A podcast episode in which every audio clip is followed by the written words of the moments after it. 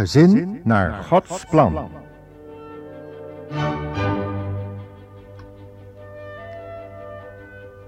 Welkom luisteraar in ons programma Gezin naar Gods plan van de stichting Adulam. Weet u nog waar we de vorige keer gebleven waren? De Heer Jezus was bij een eenvoudige huisvrouw binnengenodigd en nu was hij in de huiskamer gekomen. Hij was in gesprek geraakt en, om het zo voor te stellen, hij was ook bij u op de koffie geweest. Nu zal het in het ene gezin wel weer allerlei andere dingen gebeuren dan bij het andere. Maar eigenlijk doet het er niet toe. Zodra je de Heer Jezus hebt binnengelaten, dan is Hij ook Heer van je huis geworden. En we hebben gezien wat dat betekent. Maar inmiddels is de Heer opgestaan en Hij is naar de keuken gegaan. En we zijn benieuwd wat Hij daar allemaal ziet in uw keuken. Ja, dat is werkelijk waar. Hij wil Heer zijn van uw huis, dus ook in de keuken van uw leven. Wat zal daar allemaal te vinden zijn? Een huisvrouw gaat het u zo dadelijk vertellen.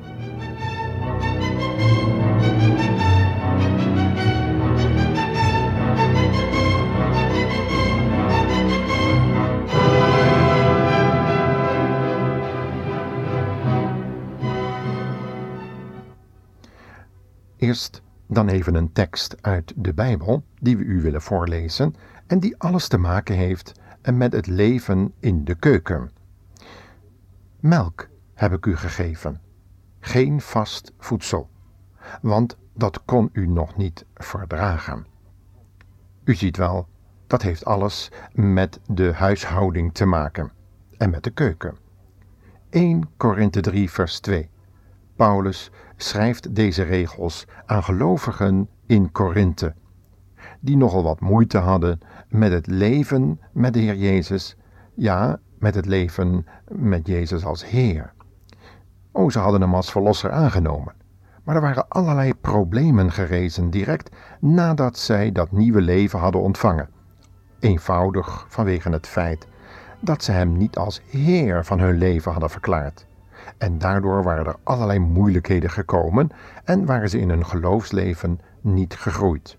Vandaar dat de Heer vandaag ook in uw leven wil komen, maar dan wel in de keuken.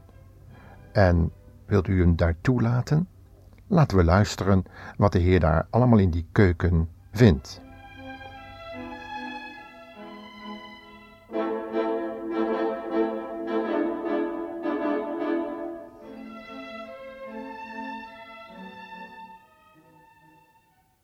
Jongen, dat is een lang koffieuurtje geworden. Ik schrik ervan en roep, oh heer, mijn middageten, ik moet nodig naar de keuken, anders krijg ik het niet meer klaar. Dan schil ik vlug de aardappelen en zet ze op, maak de groenten schoon en sla tegelijk een blik in de keuken.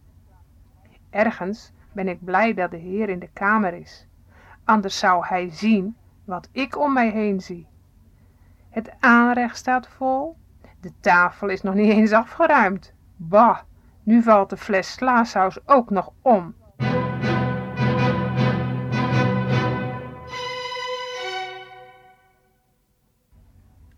Terwijl ik het gehakt tot ballen draai, staat de heer opeens naast me en zegt verontschuldigend.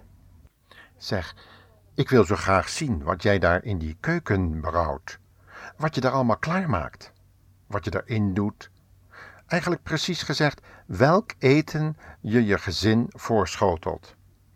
Ik bedoel dit letterlijk, maar eigenlijk nog meer geestelijk. Ik vraag, wat heeft eten koken nu met geestelijke dingen te maken? Luister, zal ik het je proberen uit te leggen? Nu ik je zo bezig zie in die pan soep te roeren, zie ik je hele gezin al soeplepelend aan tafel zitten. En dan vraag ik me af Welk geestelijk voedsel zet jij je man en kinderen nou eigenlijk voor? Wat maak je daar in die geestelijke keuken van jou? Wat zet je je vrienden voor als ze op bezoek komen? Weet je dat ze allemaal eten van wat jij ze voorzet? Weet je dat jij daar de verantwoording voor draagt? Kijk, en dan vraag ik me even af of je wel zeker weet of dit voedsel wat jij bereidt wel goed is. Of het wel gaar is, of het niet te zout is of te flauw, of uh, te zuur of te zoet, te koud of te heet, te veel of te weinig. Zal ik het je met een voorbeeld duidelijk maken? Weet je wat ik vroeger eens gezegd heb? Dat je het zout der aarde moet zijn. En ik bedoel daar toen het zout mee in geestelijk opzicht. Zorg eerst dat er geestelijk leven in jou is. Dan kan er geestelijk leven uit jou komen. Want als er niets in zit, kan er ook niets uitkomen. Als er weinig in zit, komt er ook weinig uit. Dan leef ik niet genoeg in jou. En dan straalt mijn liefde te weinig uit jou. Liefde moet door jou heen stromen naar de ander. Kijk, dan ben je het zout der aarde.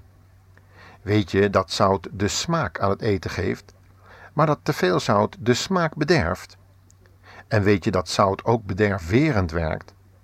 Als je vlees van de slager haalt en je zout het niet tijdig in, dan weet je maar al te goed wat er mee gebeurt. Je weet het dus.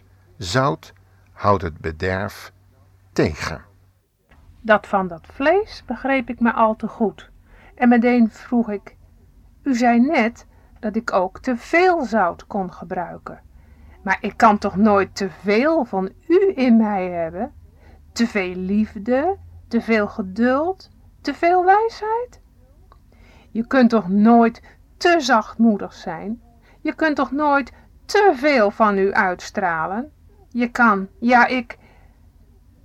Ik struikelde bijna over mijn eigen woorden en in een flits schoot het door me heen. Nu heb ik hem vastgepraat. Maar de Heer dacht anders. Hij keek me glimlachend aan en zei: Kijk, weet je, we hadden het erover dat jij een ander te eten gaf. En dat is iets anders dan waar jij het nu over hebt, nietwaar? Je hebt gelijk dat je nooit te veel van mij in je kunt hebben. Maar je kunt wel te veel van mij ineens aan een ander geven. Denk je er wel eens bij na, als je over de Heer praat, of, je, of de ander dat wel verdragen kan op dat moment? Verwerken kan. Als iemand hem nog niet kent en jij vertelt hele verhalen, bijvoorbeeld hoe die in jouw huis woont en de ander weet in de verste verte niet waar je het over hebt, dan overlaat je hem of haar met geestelijk voedsel. Je vertelt en je vertelt maar en je zegt, nou, nou moet je eens dit doen en, dan moet je weer eens zus doen. Dan wordt er in één woord gezegd overvoed. Ik weet niet of je begrijpt wat ik bedoel, maar geestelijk voedsel moet net als gewoon voedsel geleidelijk aangegeven worden. In het begin zei ik toch al, als je opnieuw geboren bent, ben je eerst nog een baby. Je begrijpt toch wel wat ik bedoel? Je geeft toch een baby ook niet direct brintapap of stampot of zuurkool of uh, erwtensoep? Dan zou die het alles weer uitspugen, want dat kan het maag je nog niet verdragen. Je begint altijd met melkvoeding en langzaam aan ga je verder over op andere voeding, vastvoedsel. En hoe vaak gebeurt het niet dat de ander beslist geen behoefte heeft aan een geestelijk gesprek? En wat doe je dan? Nou, praten en nog eens praten. Dat is de praktijk. Proberen hem of haar los te krijgen op jouw manier, met jouw tactiek. Ik zou je de kost niet graag geven die daardoor helemaal vastgelopen zijn. En uh, hoeveel keer heb je niet geprobeerd om de mensen mee te nemen naar de een of andere samenkomst of kerk? Natuurlijk jouw kerk. En uh, waar jij vindt dat die predikant of evangelist zo mooi spreekt. Kijk, op die manier kun je te veel zout in het eten doen. Het eten wat jij kookt, het eten dat jij je gezin voorschotelt, het eten dat jij daar brouwt in de geestelijke keuken voor jou, ook voor gasten. Begrijp je nu wat ik met te veel zout bedoel? Oh, bedoelt u dat met te veel zout? Oh, dat. Alle mensen. Ik moest er niet aan denken hoe ik met de zoutpot omging. Hoe ondoordacht ik het zout gebruikte. Ik deed het altijd op mijn gevoel. En dat dat gevoel nou zo best was, kon ik echt niet altijd zeggen. En toen gingen mijn gedachten terug naar die keren dat iedereen naar het zoutvaatje vroeg. Het eten was te flauw. Het zoutvaatje werd te vaak bij ons aan tafel gebruikt. Ineens hoorde ik Jetty weer klagen. Mam, het eten is weer veel te zout vandaag. Ik hoorde mij weer zeggen voor de zoveelste keer. Jetty, wanneer doe jij nu eindelijk eens beleidenis? Wanneer ga jij eens naar die predikant voor een gesprek? Wanneer, Jetty? Je hebt de leeftijd. Wat moest ze dat vaak van me horen. En Jetty was er innerlijk zo mee bezig, zei mijn man gisteren nog tegen me. En ik maar strooien met zout. Jetty, oh Jetty. En dan dacht ik aan het bezoek bij onze nieuwe buren vorige week. Al gauw merkte ik dat ze niets van de kerk moesten hebben. En wat deed ik? Praten, praten, juist over de kerk. Ik wilde ze er graag bij praten. En wat heb ik bereikt? Het tegenovergestelde. Ja, juist, het tegendeel. En ik zag hoe hol mijn woorden waren geweest. Zogenaamde geestelijke woorden, maar zonder inhoud. En duidelijk zag ik nu hoe verkeerd ik geweest was. Zou de Heer dit van mij weten? Zou hij er wat van zeggen?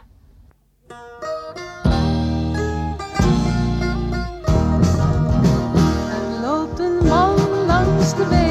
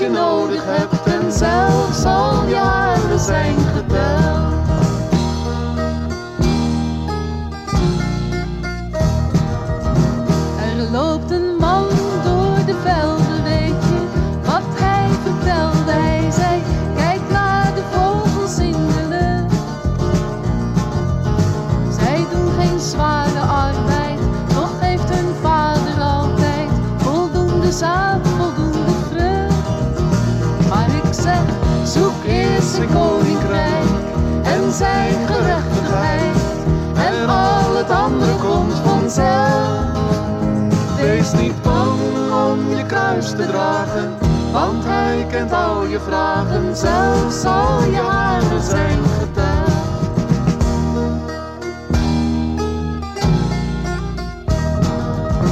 Er loopt een man door de straten.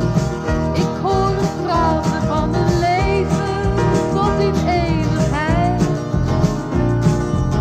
Hij zei: geef alles weg, ga op de smalle weg, de weg die tot het leven leidt. Kom door de enge poort en luister naar mijn woord, wat iedereen je ook vertelt. En maak je nooit meer zorgen, je bent bij mij geborgen, zelfs al je haren zijn geteld.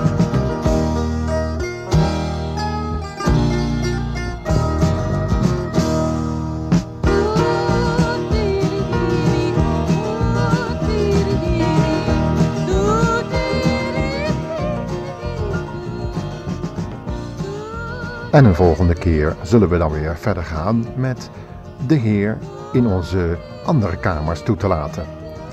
Maar luistert u de volgende keer ook wat Hij voor u nog te zeggen heeft. Heeft u hem al eh, toegelaten in uw keuken, de keuken van uw leven? En eh, er zijn nog veel meer kamers in uw leven natuurlijk. Maar laat hem gerust toe in heel uw leven, want alles, alles wil hij onder controle hebben. Maar dat niet alleen, hij wil u leiding geven. Leiding in uw leven. En dan zal het zeker goed uitkomen. Want als u de Heer de leiding in uw leven geeft, dan neemt hij die leiding niet alleen, maar hij geeft alles wat u nodig heeft. God zegene u en tot de volgende uitzending. Luistert u dan weer mee? Zorgen, Je bent bij hem geborgen, zelfs al je haren zijn